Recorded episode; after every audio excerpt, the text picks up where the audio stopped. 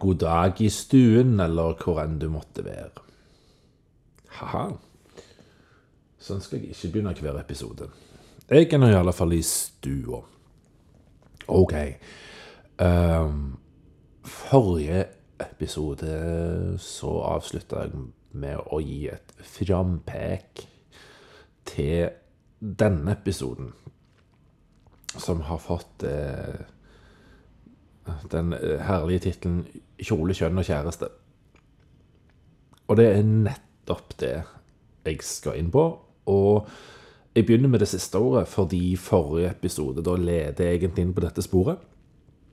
Eh, og da sa jeg at jeg er veldig glad for den valgte sivilstatusen jeg har. Og den vil på folkemunne, og ikke på mitt munne, kalles for singel eller enslig. OK.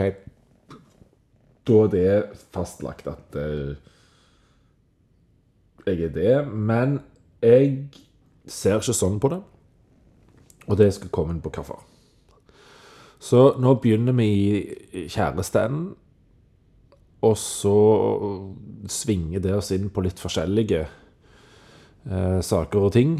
Eh, så jeg tenker at i løpet av denne seansen her så skal jeg nok ha fått kommet innom alle disse her punktene, eller at ordene i oversk overskriften, tittelen.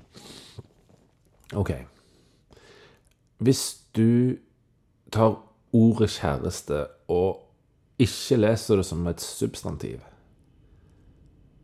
men et adjektiv, så er det jo kjær, kjærere, kjærest, eller kjære, kjærere, kjæreste, hvis du vil ha det i flertall. OK. Da betyr det jo at mennesker garderes. Eh, det betyr at noen da er favoritter. Greia mi er at jeg har ikke favoritter. For meg er alt kontekstavhengig. Den eller de som passer best i konteksten, er best der og da, men er ikke nødvendigvis alltid den beste i alle situasjoner. Um, det vil jo si at hvis du er musikalsk og flink og spiller instrument, så er du veldig kjær. Du er veldig god å ha i en situasjon der jeg skal spille musikk og utøve musikk med andre. Hvis du er tonedøv, har dårlig gehør og er umusikalsk og mestrer ingen instrument, så det er sikkert kjempespennende å prøve å få til et eller annet med deg. Det blir jo kul frijazz, for all del. Polske frijazz fra 1953. Ja. Sånn. Men du mener hva jeg forstår. Så det kommer an på kon konteksten hva som er det beste og mest relevante. Og da må du kanskje òg tenke aktiviteten en holder på med der og da. Hvis du er låst på hva aktivitet du skal ha, så har du egentlig bestemt deg for at det er viktigere enn personen som er der, og da kan du være ekskluderende mot personen. I stedet for å si 'jeg hadde tenkt', eller si til deg sjøl kanskje inni deg 'jeg hadde jo tenkt å spille musikk', men det passer ikke når den andre personen er her, for den er jo ikke musikalsk. Den liker jo å gjøre denne tingen, og jeg har ingenting mot å gjøre det. Nei vel, nå har du gjort denne personen god. Du har spilt den god, og endra på konteksten. Uh, og har du gjort det til en kjær person. Det er det beste du har der og da. Det var den personen. Endre på konteksten. Og så kan du si, da Jeg har bare én biologisk bror. Men jeg har likevel ikke bare én bror. Og det henger for meg sammen med at familien det er venner du ikke velger sjøl. De bør iallfall være venner. Uh, mens vennene, det er familien du velger sjøl. Og venner kan endre seg over tid. Uh, og vennene er jo alle mennesker utenfor familien som du i ulike kontekster interagerer og samhandler med. Sånn sett er jo alle mennesker da brødre og søstre, og kan potensielt være. Altså er vi alle søsken, eller potensielle søsken. Eller jeg vil si generelt så er vi alle søsken fordi eh, venner er familien du velger sjøl.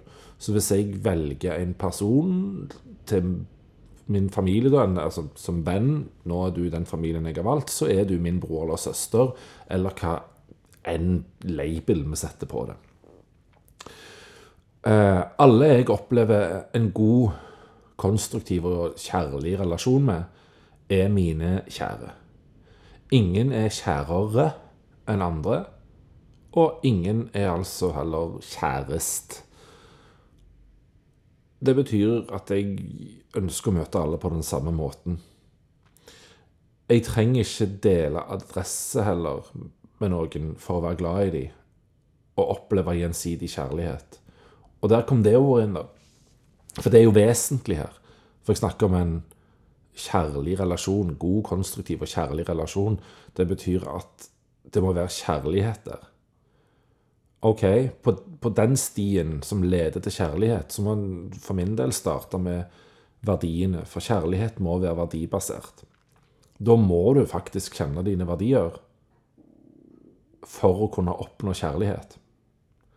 Jeg kjenner mine, og når jeg opplever å bli møtt med mine verdier, aksept, forståelse, bekreftelse, i en relasjon, opplever jeg relasjonen som kjærlig. Altså, når jeg opplever få, på en måte, eller opplever at jeg blir møtt For jeg liker ikke den der transaksjonsgreia med gi og få. Når jeg blir møtt med det, så opplever jeg relasjonen som kjærlig. Når dette oppleves gjensidig, opplever en kjærlighet. Fordi du opplever i svært stor grad en verdimessig speiling av dine egne verdier. En sånn verdimessig overlapping. Så hvis det er sånn enveis at du opplever eh, å bli møtt med verdiene dine, så er det kjærlig. Hvis du i tillegg møter den personen tilbake igjen med det, så har du kjærlighet, for da er det gjensidig.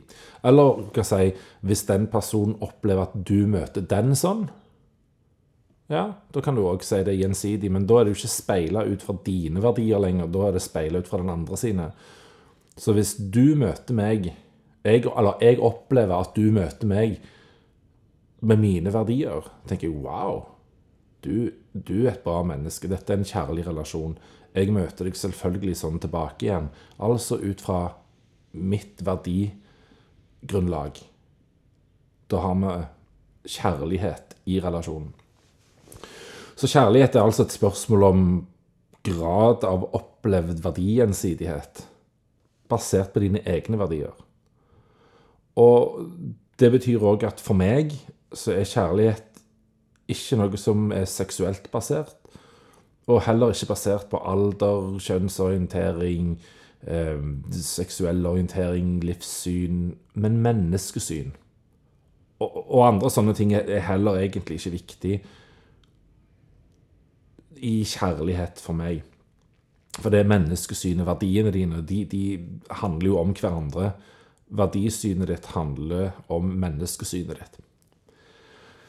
For de som på død og liv har et behov for å plassere meg i en kategori basert på orientering, eh, blir vel, ut fra det jeg har sagt nå, Panfil den mest presise jeg kjenner til, i alle fall.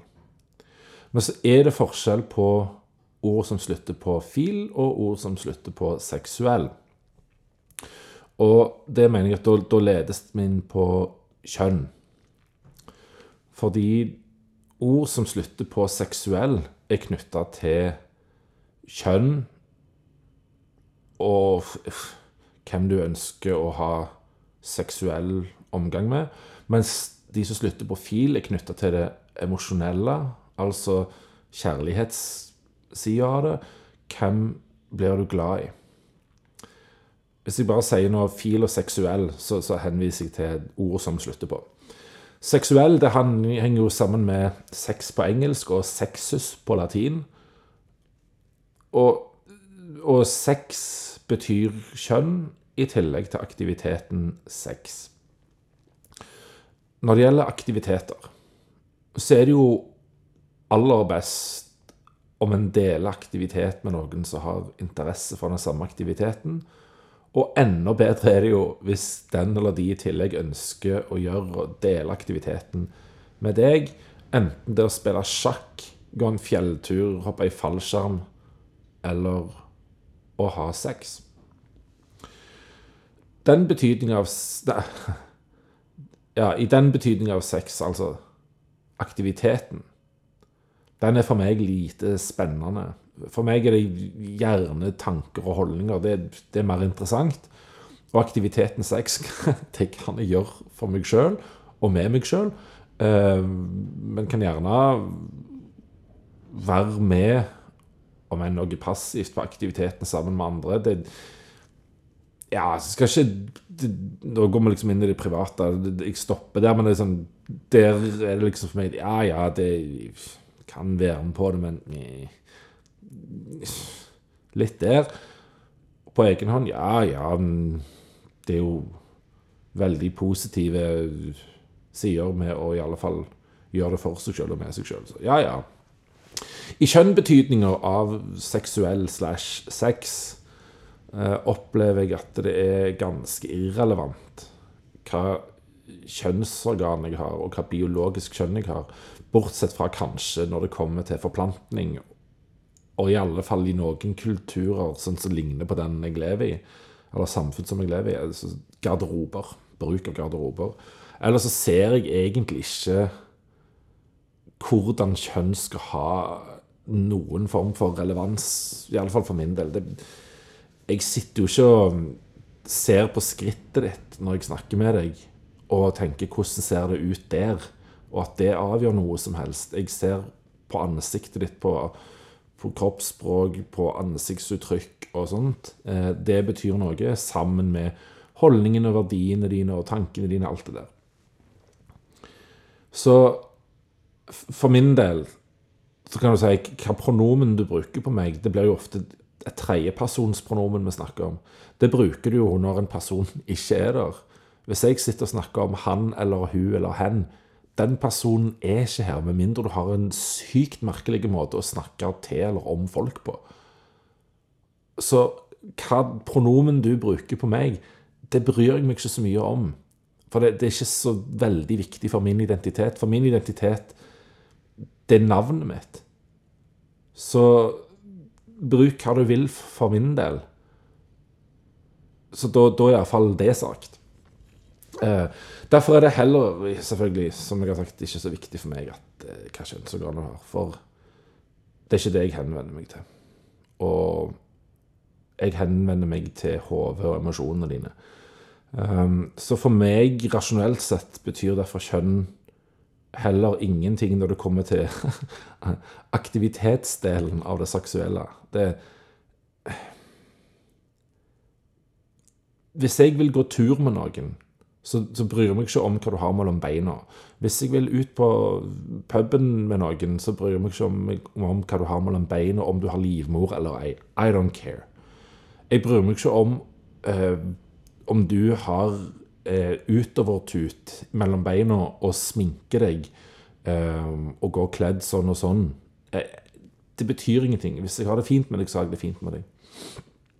Så kjønnsbetydning av sex er altså underordna mitt forhold til aktivitetsbetydninga av sex.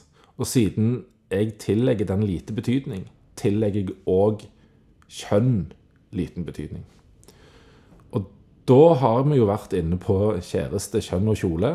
Og det siste jeg sa, leder oss jo faktisk da inn på kjole. For jeg sa jo dette her med at samme hvordan du velger å kle deg, så bryr meg ikke så mye om det. Da da kommer vi inn på klær, da. Og da er det ordet kjole. For drøyt 100 år siden så var bukser forbudt for kvinner. Og etter hva jeg nettopp fikk høre, så ble ikke forbudet mot at kvinner kan gå med bukser fjerna i fransk lov før i 2013. Og det er jo helt absurd. Eh, I dag er det jo hinsides all fornuft Og det er meningsløst og absurd å tenke på at bukser er forbeholdt menn. Men hva med kjole og eller skjørt? Altså En basket, altså en baskettrøye De er jo ganske store og vide. Og mange menn kan jo finne på å gå med det. Og hadde ei dame tatt den på seg, så hadde du sagt 'kul kjole'. Når en mann tar den på seg, så er det kul baskettrøye. Det viser jo bare at kjole er jo ei lang T-skjorte.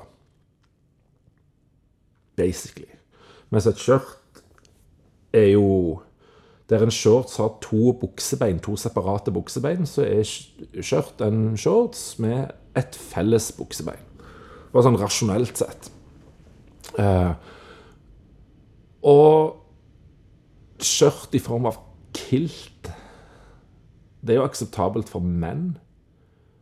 Men henger det sammen med at det heter kilt og ikke skjørt? Buksa har jo ikke endra navn fordi det gikk fra å være et mannsplagg til kvinneplagg i tillegg. Altså det ble akseptert for alle. Så ordet på mannsplagget ble beholdt da kvinner fikk lov til å bruke det. Ja Men motsatt vei så kan vi ikke gjøre det. For vi kan ikke si at nå er dette plagget tillatt for menn. Vi beholder ordet skjørt på det. Nei, nei, det må hete kylt. Eller et eller annet annet. Ettbeinsshorts. Ja, for det gidder jo folk å gå rundt og si. Kule ettbeinsshorts du har fått. Nei. Og når det handler om å velge å ha på seg buksa Bare for å være sånn rasjonell. Er det fordi det er fint? Ja, da er det et estetisk argument. Den som går med bukse, opplever det som fint. Og hvis andre gjør det samme, flott. Men jeg går man for dem, for jeg syns det er fint. Og kan det være at det er behagelig å gå med bukse? Ja, det er fremdeles opp til den som går med plagg å avgjøre. Eh, ikke gå med et plagg som ikke er behagelig å gå med. Bare fordi det er fint. Og det er noen som har satt en eller annen norm på det. Altså bunad, hallo skjørt eller kjole, det må det være behagelig å gå med. Bare for å ta den samme logikken, da. Der bukser kan være behagelig å gå med, kan en kjole eller et skjørt være det? Ja, du får jo naturlig lufting, kan du si. Og hvem er det som avgjør om det er fint og behagelig? Hvis du syns det er fint å gå med plagget, samme hvor uvant det må være for deg eller andre i begynnelsen, så er det vel fremdeles du som avgjør, samme hva du har mellom beina. Selvsagt. Og hvis det er behagelig, da er det vel fremdeles opp til deg. Samme hva folk rundt måtte si at det, Nei, nei, skjørt det er sånn som, som de med innovertut mellom beina går med. Kvinner, det, de går med det. Ja vel, hvor står det skrevet? For over 100 år siden så var bukser forbeholdt menn, og det var forbudt for kvinner. Hæ, det sant? Ja, det er sant. Fortell det til dagens tenåringer. De tror det ikke. De blir helt sånn Hei, kødder du? Fordi de ser ikke problemet. Så hvorfor kan ikke menn, eller hvorfor kan ikke alle bruke bukser, badedrakt, kjole, skjørt osv.? Det er, det er jo ingen andre sin sak hva du velger å gå i. En blir jo ikke et dårligere menneske, og en blir ikke mindre kvalifisert til en jobb på bakgrunn av et klesplagg. Blir du en dårligere leder fordi jeg har utovertut mellom beina og går med skjørt? Nei. Jeg blir jeg et dårligere menneske? Nei. Jeg vil si til begge de to. Jeg, blir, jeg vil påstå tvert imot blir jeg en bedre leder og et bedre menneske fordi jeg går med plagget, fordi jeg tør å gå med det, fordi jeg tør å vise det. Fordi jeg tør å vise hvem og hva jeg er. Og tør å bryte per nå normer som sitter litt fast hos enkelte. Men det er jo håp i Hanging Snore, for all del. Det kan jo òg tenkes at en person som ikke har utvikla bryster Altså, menn kan ha pupper, og noen kvinner kan ha mindre pupper enn en gjennomsnittlig mann. Så de kan vel òg få gå med bikini og badedrakt hvis de vil. Det er jo fremdeles helt opp til de, hvis de syns det er fint, hvis de syns det er behagelig. Minst én av de go ahead, eller for whatever reason. Hvis du vil gå med det, samme hvem du er. Det er lov. Og så var det en tidligere kollegaer som, som sa, eh, når vi kom til eh, enda flere plagg som er forbeholdt et kjønn, og da kvinnetruser, så sa denne kollegaen men, men eh, menn kan ikke bruke det, det er jo ikke plass. OK, så det skal ikke være lov for menn å gå med kvinnetruser om de vil. Det er vel for faen ikke den kollegaen sin sak om det er plass eller ei. Det er revnende likegyldig, det. Og om det er plass eller ei, og betydning eller konsekvensen av det, det er vel ingen annen sin sak enn den som tar det på seg. Så har du utovertut og har lyst til å gå med ei dametruse, kjør på. Det, bryr jeg meg om hva, hva truse du har på deg. Eh, hvis jeg skulle eh, tatt med meg ei kjekke dame hjem, og så viser det seg at hun går med nøyaktig samme bokser på seg som jeg gjør, så hadde jeg ikke tenkt 'Å, herregud, der er døra'. Nei. Og da håper jeg at ei dame ville tenkt det samme om en mann som eh, slenger av seg tøyet, og så ser hun 'Oh my God, har du samme truse som meg?' Da håper jeg at uh, den dama hadde tenkt 'kult', istedenfor å tenke nei, 'kilt', nei, det var tull. Istedenfor å tenke 'herregud, er du psycho, eller'? Ok, men da vet jeg hvem som har den dårlige holdninga her. Så kan kvinner, eller kan alle egentlig Kan alle få lov til å bruke bukser, så kan vel alle få lov til å bruke alle slags plagg om de ønsker. Mm -hmm. Da har jeg iallfall rappet opp alle de ordene i tittelen. Og så er det litt sånn Når vi kommer til dette her med om du blir mer eller mindre kvalifisert til noe, så var det noen som påpekte at det er vel ikke greit med en eller annen form for minister som har tatovering eller går med opp-ned-kurs. Da svarte jeg da, som jeg påpeker nå, at hvis vi har kommet der at en minister, altså politikerne vi velger, skal utgå av folket, da har demokratiet mislyktes på dette punktet.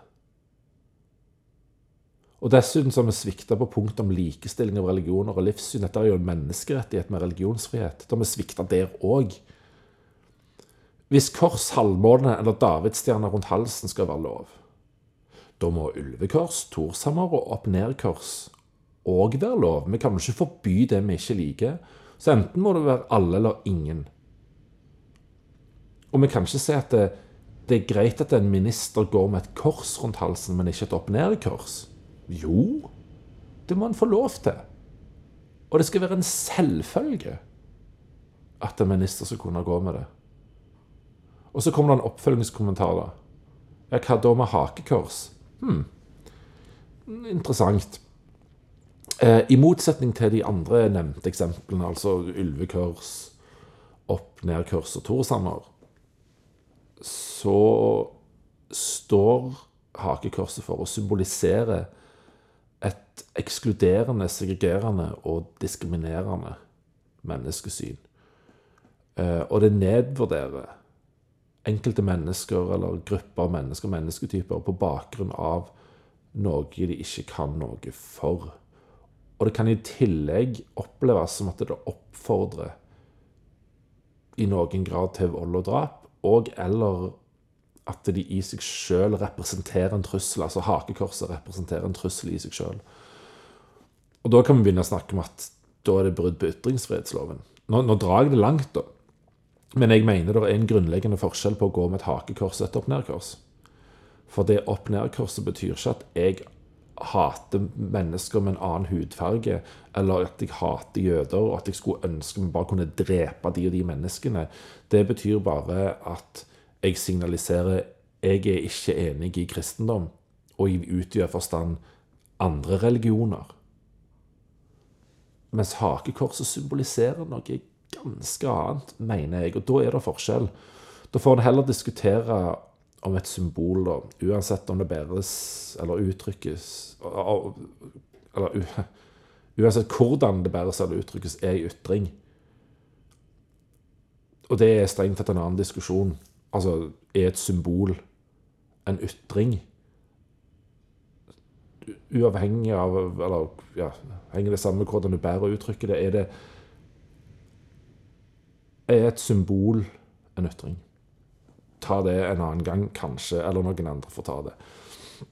De andre nevnte korsa symboliserer et livssyn som ikke representerer ekskludering, segregering, diskriminering. Det steiter bare det alle symboler i utgangspunktet gjør. Identitet og tilhørighet. Mens et nazistisk hakekors, for det finnes jo hakekors som har en annen betydning enn nazistenes hakekors, og det er vel speilvendt, mener jeg òg. Og, og et nazistisk hakekors representerer noe i tillegg til identitet og tilhørighet, noe mer. Derfor ville det vært noe annet hvis en minister, eller kanskje hvem som helst, går med et hakekors as opposed to As opposed to Slukt ord der. Kors, halvmåne, davidsstjerne, ulvekors, torshammer, opp-ned-kors. Kommer det en minister som går med et halvmånesmykke eller ei davidsstjerne, ja vel, så gjør du det. Hvis en black metal-musiker blir kulturminister og går med et opp-ned-kors, eller en såkalt hedning går med Torsamer, tenker jeg Ja vel. Det er jo ikke det som avgjør. Har du tatoveringer? Ja vel, ikke det som avgjør. Hvis du er et rødhål, så er du et rødhål. Det avgjør. Igjen holdningene dine, og ikke klesplagget ditt. Ikke sminka di, ikke det du har mellom beina, ikke de symbolene du har på deg sånn i utgangspunktet. Med mindre de faktisk symboliserer noe som knyttes til ditt verdisyn, ditt menneskesyn. Da er det noe annet.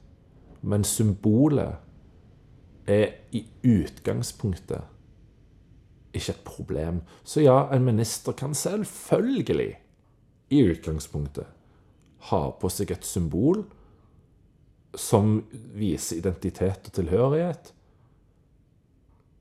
med mindre det representerer noe mer og på en måte mørkt og destruktivt. Fordi du skal nå tross alt lede et land, og du er minister for hele landet. Da kan du ikke drive og være ekskluderende og segregerende. Og i så fall skal vi forby ett symbol, så bør vi forby alle. Og da skal ikke Sylvi Listhaug stille på Stortinget med et kors rundt halsen. For enten må vi regulere det sånn at det er innafor, med alle symbol, bortsett fra bla, bla, bla, bla. Eller så må det være ikke tillatt med alle symbol. Så også kristensymbol. Da henger egentlig alt dette sammen med kjole, kjønn og kjæreste. Um, hva du velger oppi det av ditt uttrykk, hva, hva du definerer deg som Bare ikke vær rødhål. Um, og ikke være drauhold mot de som velger å ikke dele adresse med noen. Jeg har mitt syn på at alle jeg setter pris på, er mine kjære. Ingen er kjærere, ingen er kjærest. Jeg vil møte alle på samme måten. Så alle er mine kjære, men skal jeg ha en gradsbøyning, så er det konteksten som i så fall avgjør og konteksten sier Eller uansett, jeg med noen, jeg sammen med noen, så er de det beste jeg har, og de er det eneste jeg har. Og da får jeg behandle de deretter. Og da er det mine kjære der og da.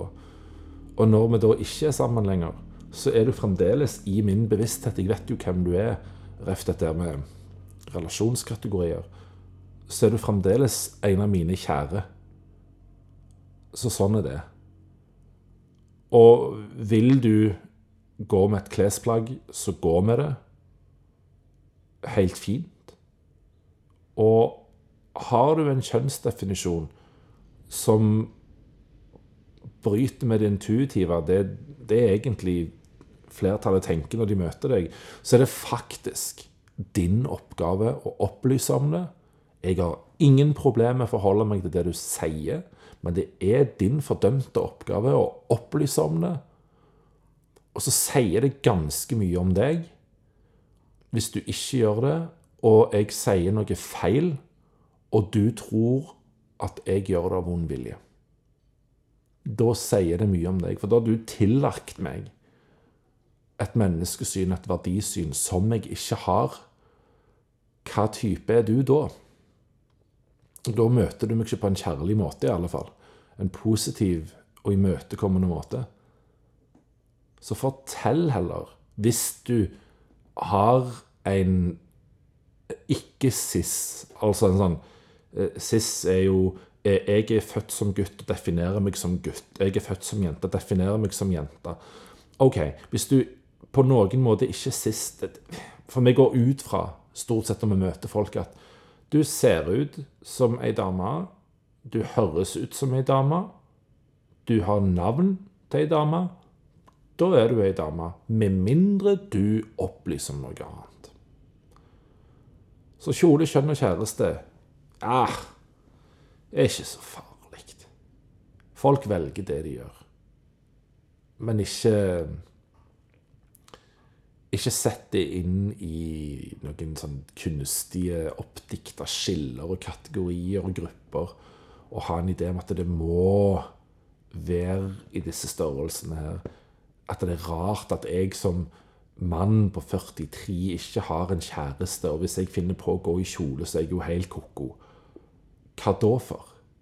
Kan det være dine holdninger og verdier som ikke helt i vater?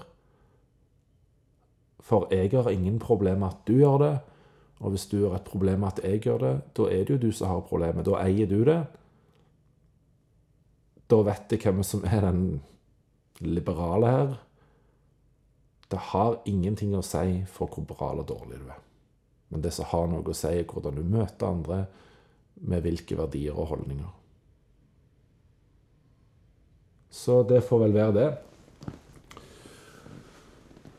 Ha en eh, grenseløst fin, vakker dag, hva enn du har på deg eller ei.